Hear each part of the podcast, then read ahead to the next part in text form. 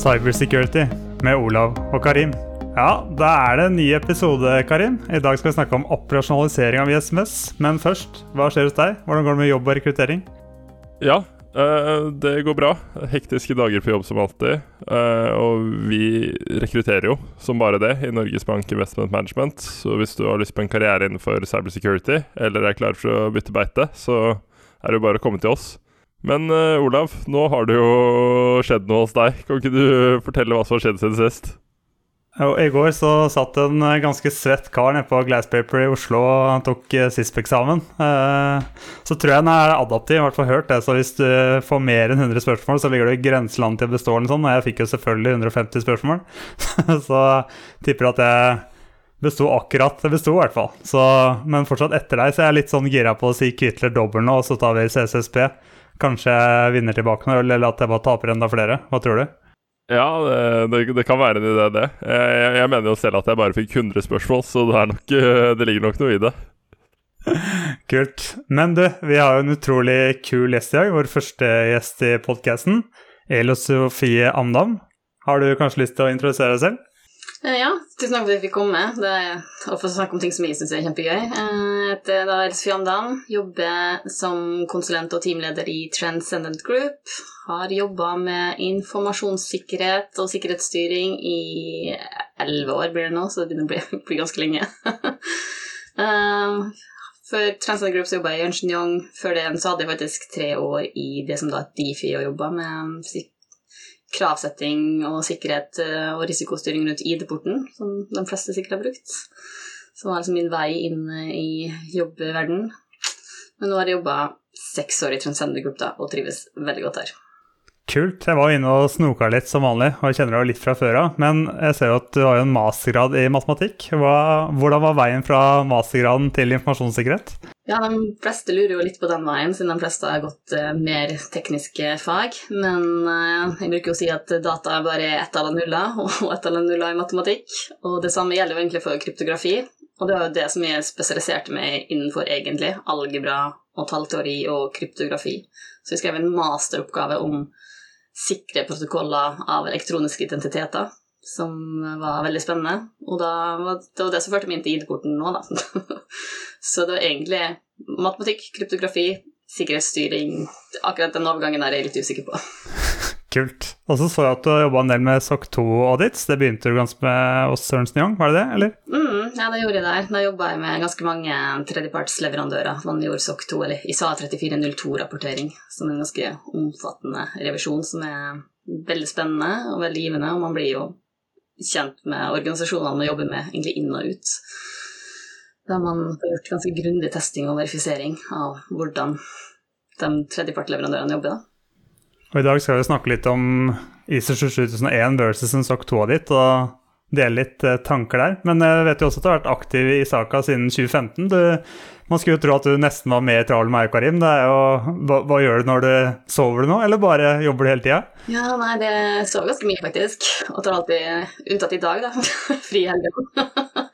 Men uh, nei, Saka har jo vært aktiv siden 2015 og vært i ganske mange poster. Og nå er jeg jo styreleder der, som er veldig gøy. Litt kjipt år å være det i år, da, i og med at mye av det som er gøyest med i Saka, er jo å møte andre i nettverket, og nå er alt digitalt. Men uh, Isaka er en kjempespennende organisasjon som jeg anbefaler alle å teste ut. Vi er jo en uh, interesseorganisasjon for alle som jobber med sikkerhet og revisjon, risikostyring og IT-styring. Og en internasjonal organisasjon. Så man har liksom muligheten til å bli kjent med likesinnede over hele verden.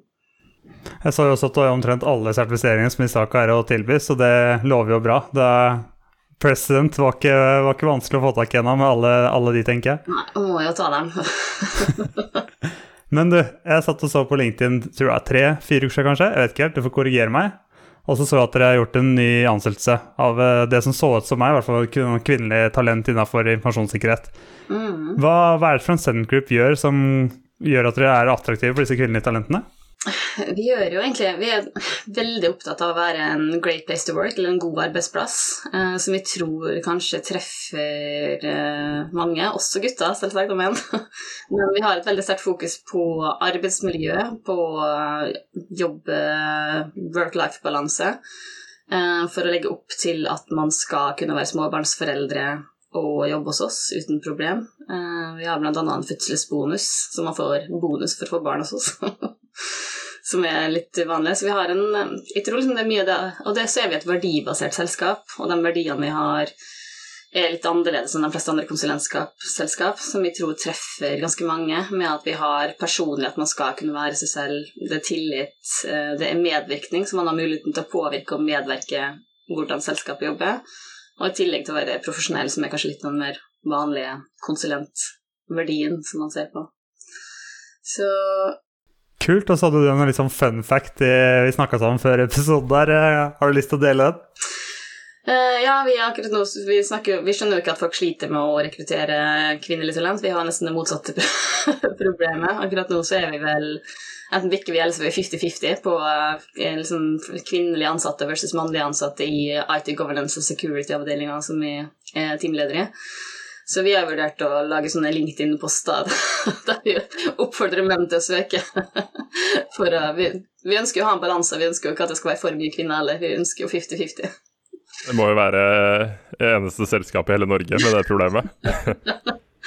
ja, men jeg tror, jeg tror det hjelper. Vi er jo synlige, vi jobber med verdier, og vi jobber med at folk skal kunne forme sin egen arbeidshverdag, og det betyr ganske mye for, for mange. Og vi rekrutterer jo, så hvis det er noen, både kvinner og menn, som er interessert i å jobbe med informasjonssikkerhet, så er det bare å ta kontakt med meg på LinkedIn. Vi trenger flere folk. Vi har flere oppdrag enn vi klarer å svare ut akkurat nå. Det her er rekrutteringspodden i dag, det her. Nei, Ja. Men så kanskje over til dagens emne, som er operasjonalisering av ISMS. Det er jo noe du har jobbet eh, mye med. Og jeg og Karim hadde jo, en, hadde jo det nevnte det veldig kort i vår eh, sesong én, i episode én. Men uh, vi har fått litt kjeft av deg. Hva, hva, var det vi sa i episode 1 som ikke du er helt happy med? Ja, Dere sa at det var den kjedeligste biten av uh, informasjonssikkerhet. Så det, er mitt livsverk dere snakka om. det vi brenner for. Men jeg skjønner jo at det er mange misforståelser rundt det, og at mange tenker at det er den kjedeligste biten. Og det er jo forskjellige hva man interesserer seg for. Vi syns jo den strategiske og menneskelige biten av informasjonssikkerhet er det gøyeste. Så ja. Vi får prøve å redde oss litt inn igjen, Karim, og si at uh, vi mente at å skrive selve dokumentet var kjedelig, men å operasjonalisere det er jo selvfølgelig det også vi brenner for. Høres det bra ut, Karim? Ja, jeg tror, nok, uh, jeg tror nok det. Og du har jo i tillegg prøvd å utforske det emnet her litt mer. Kan du ikke fortelle om det, Olav? Jo, jeg deltok jo på et uh, webinar i regi av eh, ISF, Norsk informasjonssikkerhetsforum, hvor uh, du, Elle Sofie, hadde et veldig spennende foredrag om hvordan man kan drepe en papirtigger. Altså hvordan unngå at ISMS var liggende i skuffen, som vi også nevnte, men istedenfor uh, få kart og terreng til å stemme. Hva, er det noe du også opplever, eller er det bare jeg og Karim som på en måte har sett oss litt blinde på et par selskaper der? Nei, det er et par selskap, er eller de fleste selskap, dessverre, som havner der. At man bruker veldig mye tid på å etablere et styringssystem, men ikke operasjonalisere det. At man bruker tid på dokumentene, men ikke å faktisk få det ut. Og da blir det papirtigre eller skuffe ISMS som aldri blir brukt til annet enn en compliance av en formål av en revisor. Kult. Og så hadde du en slide som var veldig spennende om hva ISMS egentlig er, og ikke bare hva alle tror et ISMS er. Har du lyst til å fortelle litt om det? Ja, absolutt. For liksom, veldig mange tenker jo på SMS-et som den papirmølla som, som dere syns er kjedelig å jobbe med, som vi fortsatt syns er litt gøy, da, men ja, Man tenker jo veldig på det som det dokumenthierarkiet med policyer og prosesser og rutiner som skal på plass, men et, eh, styrings, det er et styringssystem for informasjonssikkerhet. Det er ikke et dokumenthierarki for informasjonssikkerhet det er snakk om. Så, og, men samtidig er det veldig vanskelig å finne liksom, figurer og ting som forklarer det her på en god måte. Men et styringssystem for informasjonssikkerhet består jo av risikostyring, for det skal være risikobasert. Det består av alle dokumentene og retningsføringene og hvordan man skal jobbe. Og i tillegg så består det jo av etterlevelse og sjekke av etterlevelse av at man faktisk reduserer risikoen, og at man faktisk har implementert de eh, dokumentene man har sagt. Og I tillegg så har det jo hele den der rolla og ansvar som en veldig stor og viktig del av informasjonssikkerhetsbiten, og ledelsesstøtten på toppen. Og styringa i bunnen, da. Så jeg mener jo at det er et hus med tre grunnpilarer, som er risikostyring, etterlevelse og de kontrollene som folk ofte henger seg opp i og tror at det er kun det som er SMS-et. Men på dette med støtte fra toppledelsen, det er ofte det man fokuserer på når man snakker om et i SMS. Men så diskuterte vi litt, og du nevnte at det kanskje er like så viktig med støtte hos mellomlederne. Kan du ikke si litt uh, mer om det? Ja, jeg syns mellomlederne nesten er viktigere enn toppledelsen, egentlig. Toppledelsen er viktig for å sette føringer, men det er jo, som fleste vei som har jobba i nesten hvilken som helst bedrift, så er det jo mellomlederne som er dem som setter kulturen i organisasjonen med hvordan de jobber og hva man gjør. Og hvis ikke mellomlederne forstår poenget med informasjonssikkerhet, så vil de ikke bruke tid på det. Og da vil heller ikke de ansatte bruke tid på det. Og det er jo mellomlederne som oftest eh, setter budsjett og setter prioritering og setter ressursvurderinger i sine enheter. Så hvis man ikke får de mellomlederne på laget, så vil rett og slett hele det korthuset falle sammen. For da har du på en måte en sterk tone på toppen som sier at dette er viktig, men ingen som faktisk fokuserer på å få det ut i organisasjonen. Du jobber jo ekstremt operativt. Karim, Har du noen gang blitt dratt inn i et uh, eh, ISMS-arbeid? og Hva er på en måte din opplevelse av det? Eller er det sånn at du mer har bare fått beskjed på slutten at her er ISMS, vi har blitt enige om fint om du implementerer dette? Uh, ja, altså Jeg liker jo den tilnærmingen vi har uh, hos oss i MBIM, hvor vi uh, på en måte har governance-avdelingen på IT Security, som er mye mer Altså, de jobber mye mer tettere med oss, da. Så de kan gjerne på en måte Vi har jo guidelines og alt det på toppen, men du, du, har gjerne alltid muligheten til å utfordre en guideline uten at du skal føle at det er noen skam i det.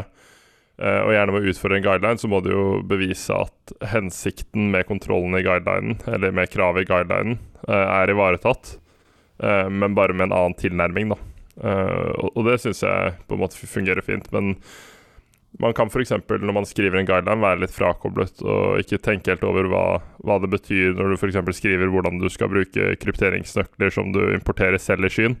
Uh, risikoen av det igjen er mye større, fordi hvis du ikke har veldig god kontroll på de nøklene, så risikerer du at all dataen din er ubrukelig dersom det f.eks. skjer noe.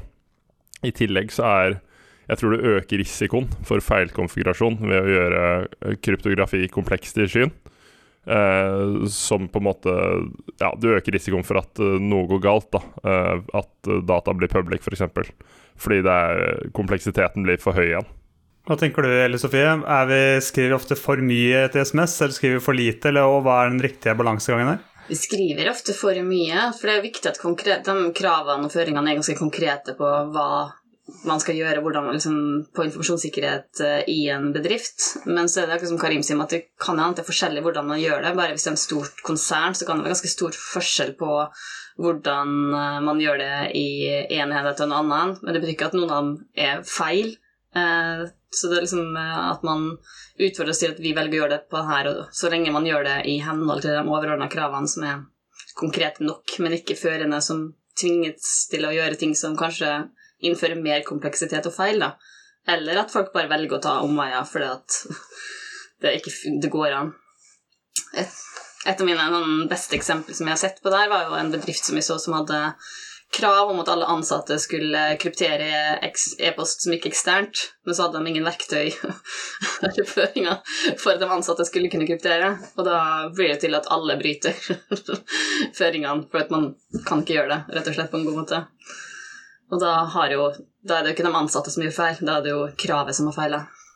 Kult. Og der kommer du inn på noe litt spennende, for vi, skal, vi snakka litt om det innledningsvis i dag, med Eh, en SOC 2-audit versus en 27001-compliant eh, eh, og litt audit av 27001. Scope applicability. Har jeg forstått det rett om at selskapet selv kan velge hva som er relevant for dem, hva som er godt nok, og så få en auditor til å komme og sette et stempel på det, og så plutselig ser man utad ut som et kjempebra selskap, men egentlig så har man bare kontroll på antivirus, f.eks.? Ja, absolutt. Så ISO 27001 er jo bare en sertifisering av hvordan man jobber med sikkerheten, ikke selve sikkerheten. Så hvis du, du kan bli sertifisert på ganske lavt nivå med å bare si at vi har planer, vi jobber med det, og det skal skje snart, kanskje. Uh, mens, og man kan sertifisere et bøttekott for den saks skyld hvis man vil det, eller én PC, som kanskje ikke gir verdi til kunden i det hele tatt. Så det er ganske viktig å lese scopet som står på de sertifiseringene til leverandørene uh, de skal bruke. Kult, så Hvis noen stiller deg et spørsmål som leverandør bare er du 7001 compliant, har du en audit på det, og du bare kan krysse av ja i den boksen, så sier egentlig det veldig lite. det sier, du leser det sertifikatet og ser hva det scopet er dekket av. Uh, og i tillegg så er jo den auditorrevisjonen ganske den er jo ganske gjennomførende, men den er ganske overordna. Det er jo ikke sånn at man går inn og tester veldig underliggende. Det er jo mer at man tar stikkprøver og verifiserer på ulike nivå, basert på risiko, basert på hva man virksomheten selv sier de skal gjøre. Har du vært med på en 27001-audit før? Eh, jeg har aldri gjort en audit, eh, faktisk. Men selskapet jeg jobber for nå, skal sertifisere seg. Mm. Kult. Og så har vi litt sånn ulike nivåer i, i SMS-et. Um. Og det tror det som oftest blir policy, retningslinjer, rutiner, standard og bevis. Men du har liksom bedre forklaring på noen fine ord i starten. Kanskje du har lyst til å ta de? Ja, den uh, hvorfor hva-biten. Stemmer. Uh, uh, ja, for liksom, man må jo tenke på hva er litt poenget med de dokumentene. ikke på hva, hva de heter, kan jo være veldig forskjellig fra bedrift til bedrift, og det er ikke det som er det viktigste, men heller tenke på hva som faktisk skal være innholdet i dem. Og den øverste policyen som mange tenker på, bør egentlig bare fortelle hvorfor man jobber med informasjonssikkerhet i virksomheten, der man setter sikkerhetsmål og også peker litt på sånn øverste ledelsesansvarlig, og sånt eh, eksempel at styret vet at det er dem som er til syvende og sist ansvarlige. Mens på neste nivå så skal man snakke om hva man gjør, på, og det vil jo være krav som er såpass konkrete og ikke trengs å oppdateres som ofte og skal gjelde for hele virksomheten. Og så kommer nivået under med rutiner, prosedyrer og alt som er hvordan man faktisk skal gjøre det. Og der kan det jo være forskjellig, som vi snakka om, fra en enhet til en annen i en bedrift. Eh, og, og, som kanskje ikke trenger å være et dokument i det hele tatt, egentlig, men rett og slett bare konfigurasjon av et system som gjør at uh, man må følge de VA-kravene. Kult. Så man trenger faktisk ikke å skrive seg i hjel her og lage en svær papirtigger. Man kan uh, være litt uh, hva skal man kalle det, litt uh, lure.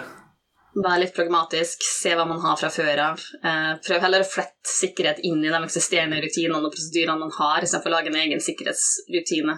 For de sikkerhets, egne sikkerhetsrutinene vil bli garantert ikke fulgt.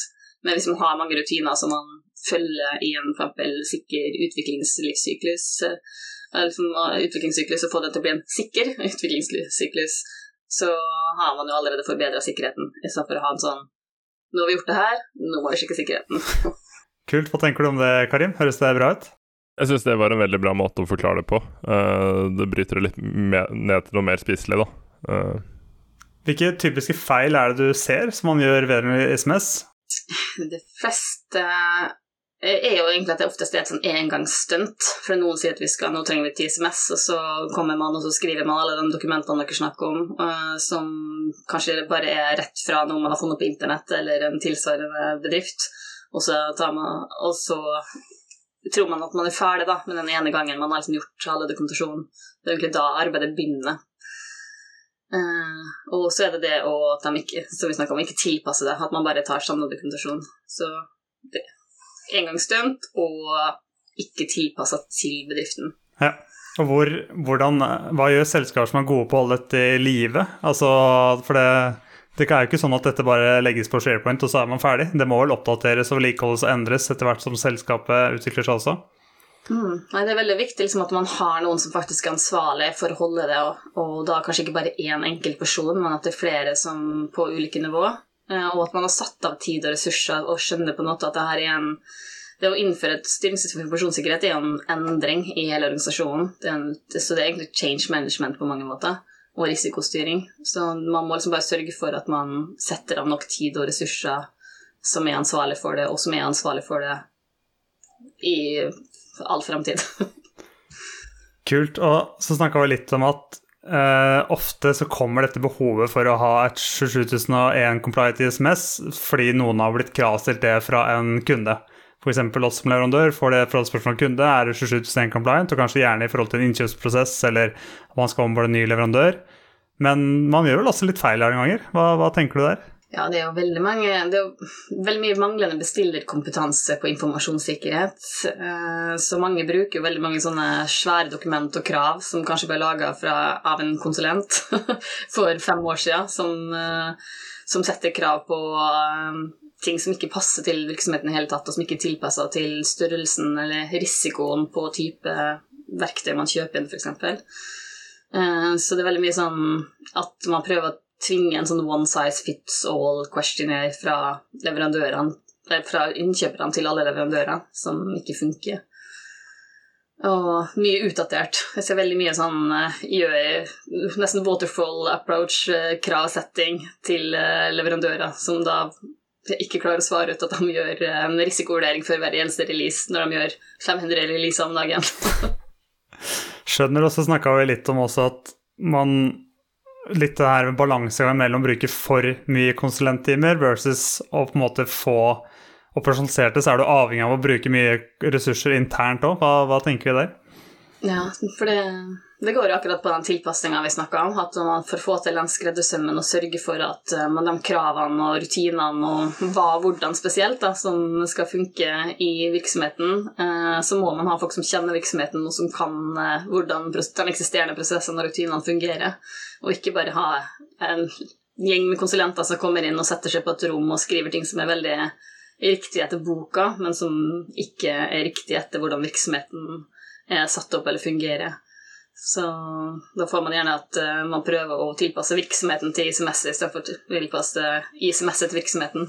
Så vil jeg se på at Jo mer eh, interne ressurser man har med, så får man på en måte noen ambassadører for dette ISMS òg, og som har lyst til å være med og få det ut i livet og holde ved like i selskapet. Uten tvil. Og det er en veldig god uh, sånn awareness-training også, å ha med liksom forskjellige i sånne nøkkelpersoner, spesielt utviklere og testere og, og mellomledere, som vi har snakka om, og få dem med til å være med på å utforme dem, for da forstår de jo hvorfor de skal gjøre det i mye større grad, og kan snakke om det til sine peers.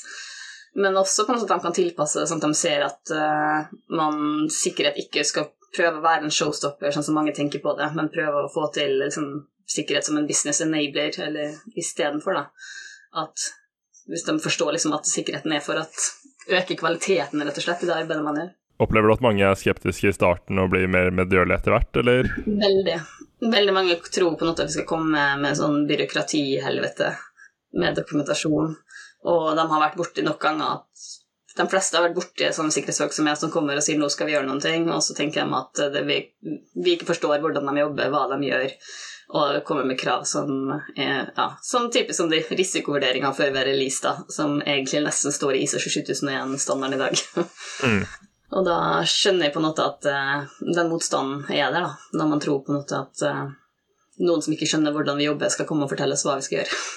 Ja, og jeg tror jo det handler litt om sånn som man gjerne tenker uh, når man bygger sikkerhet rundt DevOps-teamet òg, og det å bygge guardrails og ikke gates, da, som på en måte har blitt den store trenden. Du skal egentlig bare minimere risikoen for at noe går galt, men samtidig tillate at folk kan bevege seg fort, da.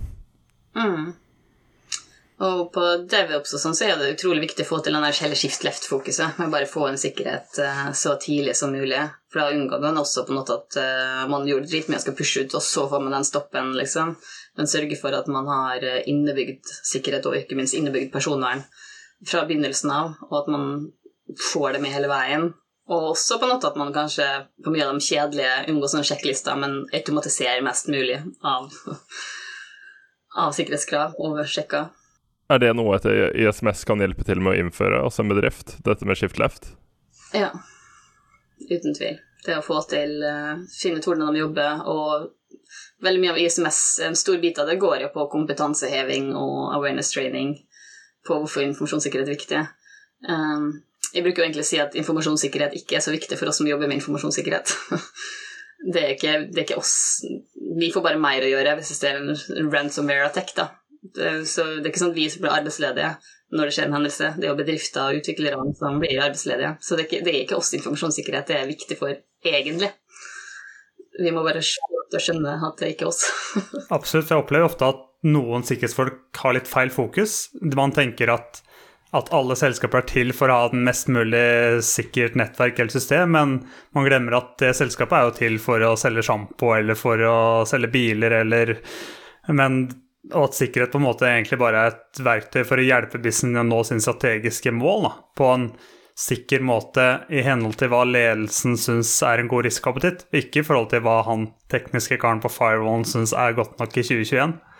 Mm, det er et superviktig poeng. Og, og spesielt i oppstartsbedrifter sånn, så har man ofte en mye større risikoappetitt, og det er riktig. Og risikostyring handler jo ikke bare om negativ risiko, det handler jo om å tørre å ta risiko. For uten risiko så står man bom fast, så da kommer man seg ikke videre. Det her treffer jo veldig bra i forhold til dine tanker og Karim, og Security Champions, Shift Left. Vi hører, vi hører veldig mye bra fra Eli Sofie her nå, gjør vi ikke? Jo, jeg, bare, jeg, jeg føler liksom vi, vi, har det samme, bare at jeg aldri har tatt den øh, vinklingen til det. Men øh, definitivt. Nei, Vi er jo oftest enige, vi som jobber med governance-biten, og dere som jobber på operasjonell sikkerhet. Problemet er bare at vi ofte ikke har snakka sammen godt nok.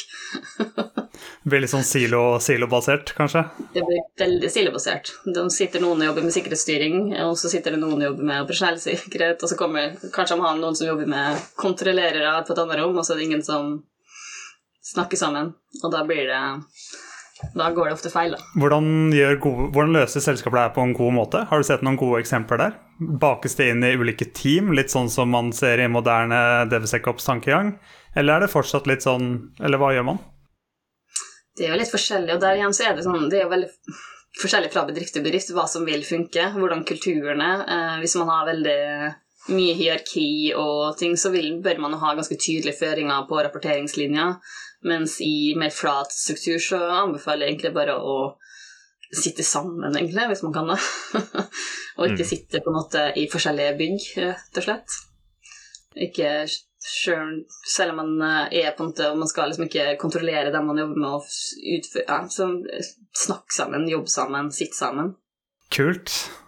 Noen siste spørsmål, Karim? Jeg føler at jeg har fått svar på utrolig mange spørsmål som jeg har hatt, hvert fall som eh, forhåpentligvis nå hjelper meg i veien videre her. Jeg tror det her oppsummerer dagens episode ganske godt, ja. Kult. Nei, men uh, Eli Sofie, har du noe mer til lytterne våre? Uh, nei, ikke så mye, egentlig. Det eneste som jeg brenner veldig for, er på en måte ikke å overkomplisere ting. Keep it simple og smart. KISS-prinsippet henger ut? Ja, ja, men det er superviktig. Poenget med et styringssystem for informasjonssikkerhet er jo også kontinuerlig forbedring, så ikke prøv å gjøre altfor mye på en gang og tro at det skal være perfekt. Det er viktig å bare få til noe, og så hvis det ikke funker, så får du til noe annet. Kult. Nei, men Med det så er det bare å oppfordre alle menn der ute innenfor IT-sikkerhet til å søke oss Transcendent Group, så man uh, får den andelen litt 50-50 igjen. Og mm. ellers ønsker alle lyttere en uh, fin uke. Sola skinner i Oslo, så det er bare vi skal komme oss ut. Og Karim, du skal få deg en kaffe og våkne, kanskje? Det høres ut som en plan. Supert. Da ønsker jeg alle en eh, fin dag. Hei da. Takk, takk for i dag. Ha det bra.